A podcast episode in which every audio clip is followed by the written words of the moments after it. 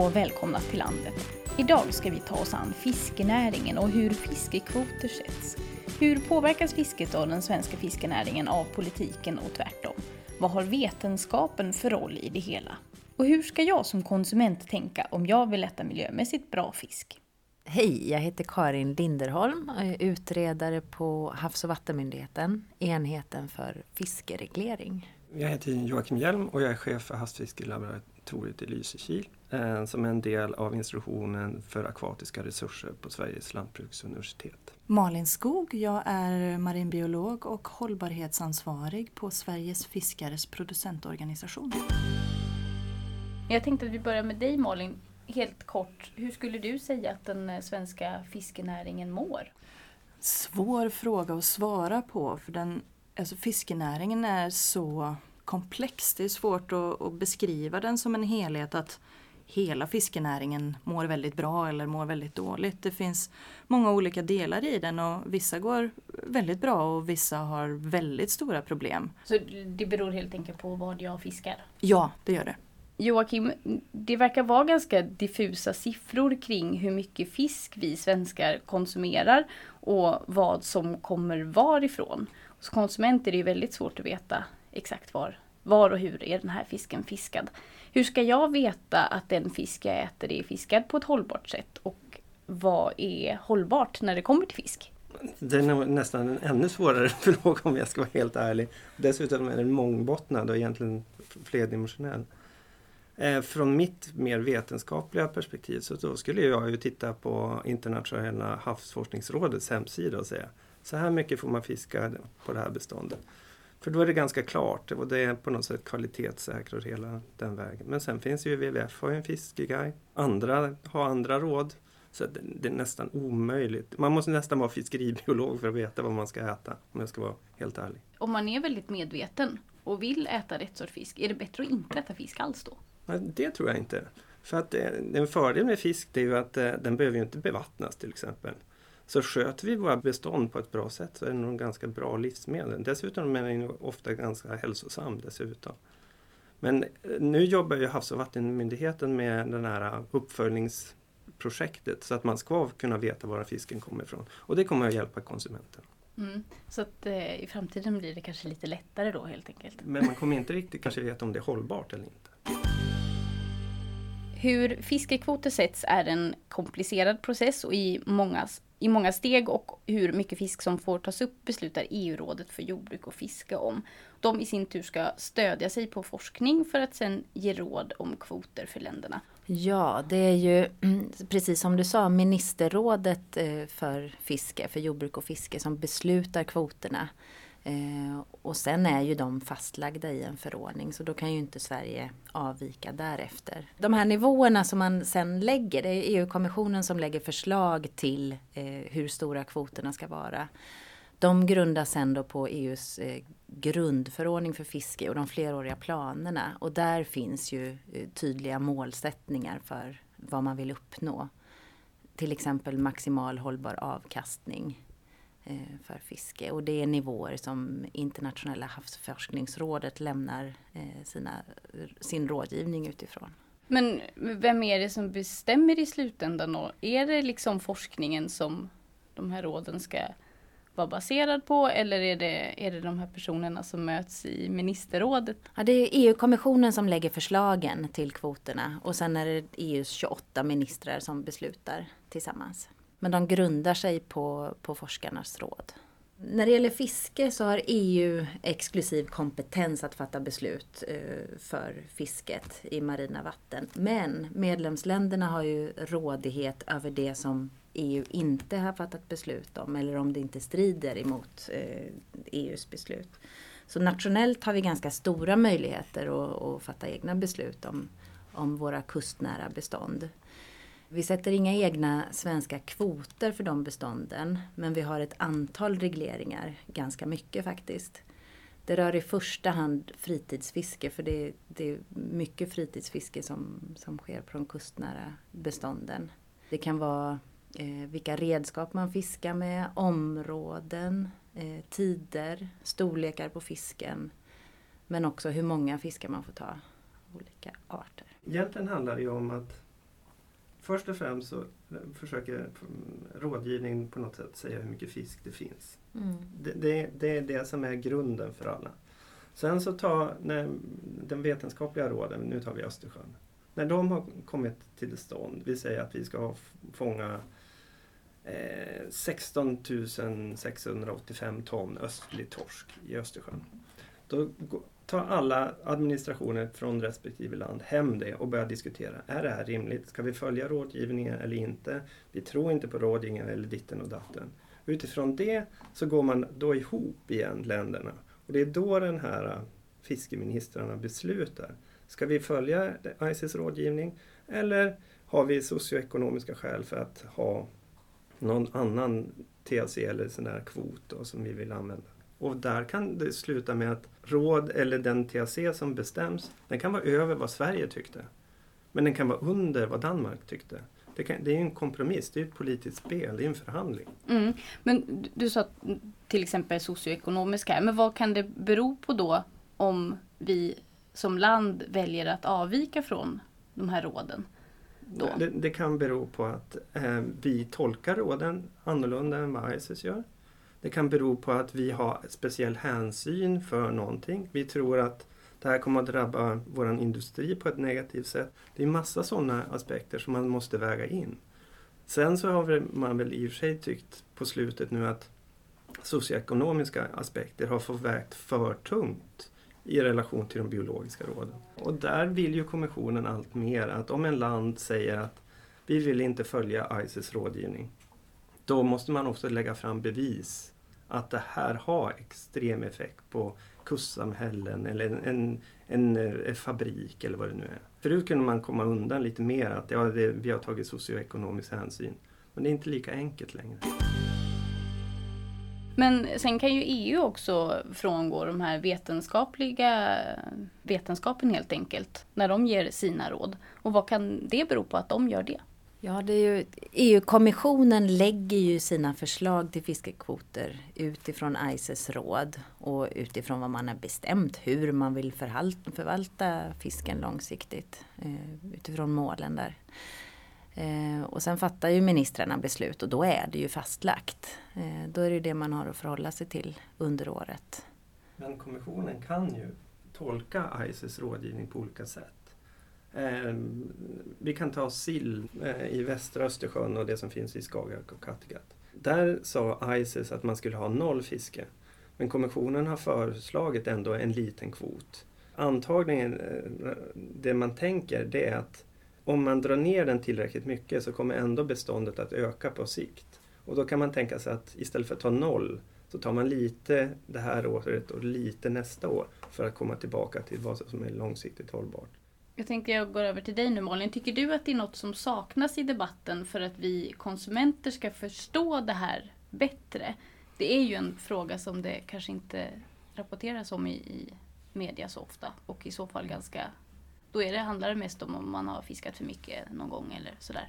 Ja det kan ju bli lite ensidigt eh, kan man ju tycka från fiskets sida att, att så fort det blir en avvikelse då ifrån rådgivningen så, så slår man på stora trumman och talar om, eh, som du säger då, eh, miljöorganisationerna går ju ut med det väldigt starkt att nu har vi, nu eh, är kvoterna satta för högt och det här är, är ohållbart. Men alla de kvoter som faktiskt sätts enligt rådgivningen, de nämns ju inte.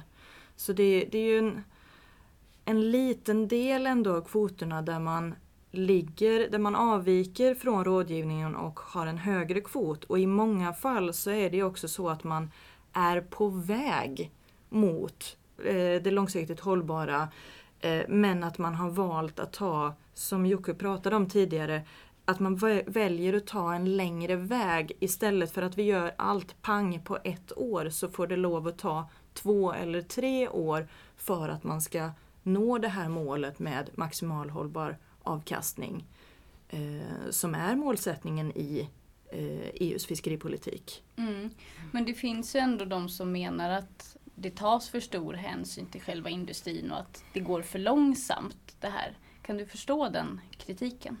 Alltså alla är ju, alla får ju lov att ha sin uppfattning men eh, inom svenskt fiske ser vi ju hur mycket vi har gjort, hur mycket vi har ansträngt oss, hur många otroligt stora steg vi ändå redan har tagit på vägen. Och upplever att eh, den kritik vi får är ganska orättvis. Mm. Finns det andra länder som borde ta till sig av sån här kritik mer? Mm. Nu småler ni här. man, man, kanske kan börja med att säga att om man jämför med hur det var i, på EUs eh, fiskeråd för tio år sedan ungefär så har det ju hänt jättemycket. Besluten sätts ju ja, mycket, mycket närmare forskarnas råd än tidigare. Och det sker också på ett mycket mer strukturerat sätt. Man har riktlinjer att förhålla sig till och man ska bidra med socioekonomiska underlag som Jocke säger. Det, processen är en helt annan och transparensen och insynen.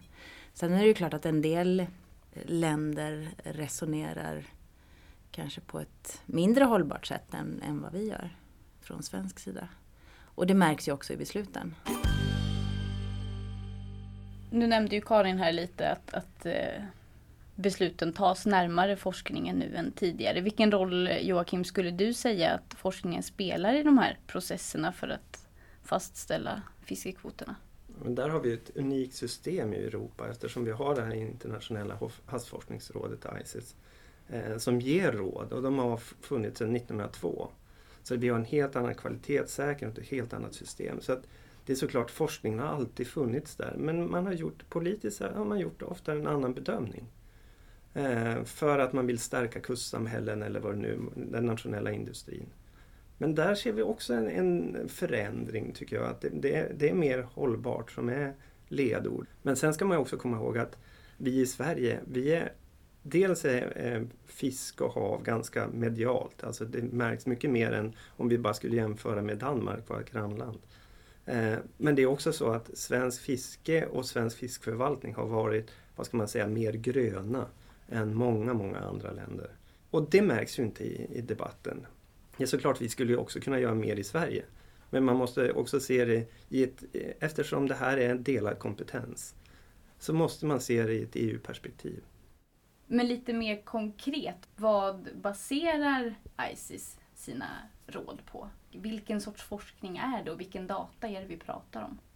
Alla länder som har en kust i Europa de är ålagda enligt en sån här regel, en förordning, att samla in information om vad, vad för fisk vi fångar helt enkelt.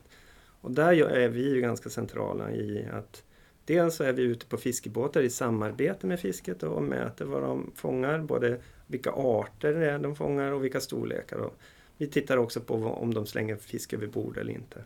Sen är det ju den stora komponenten kommer ju egentligen från eh, Havs och vattenmyndigheten som följer upp deras landningar.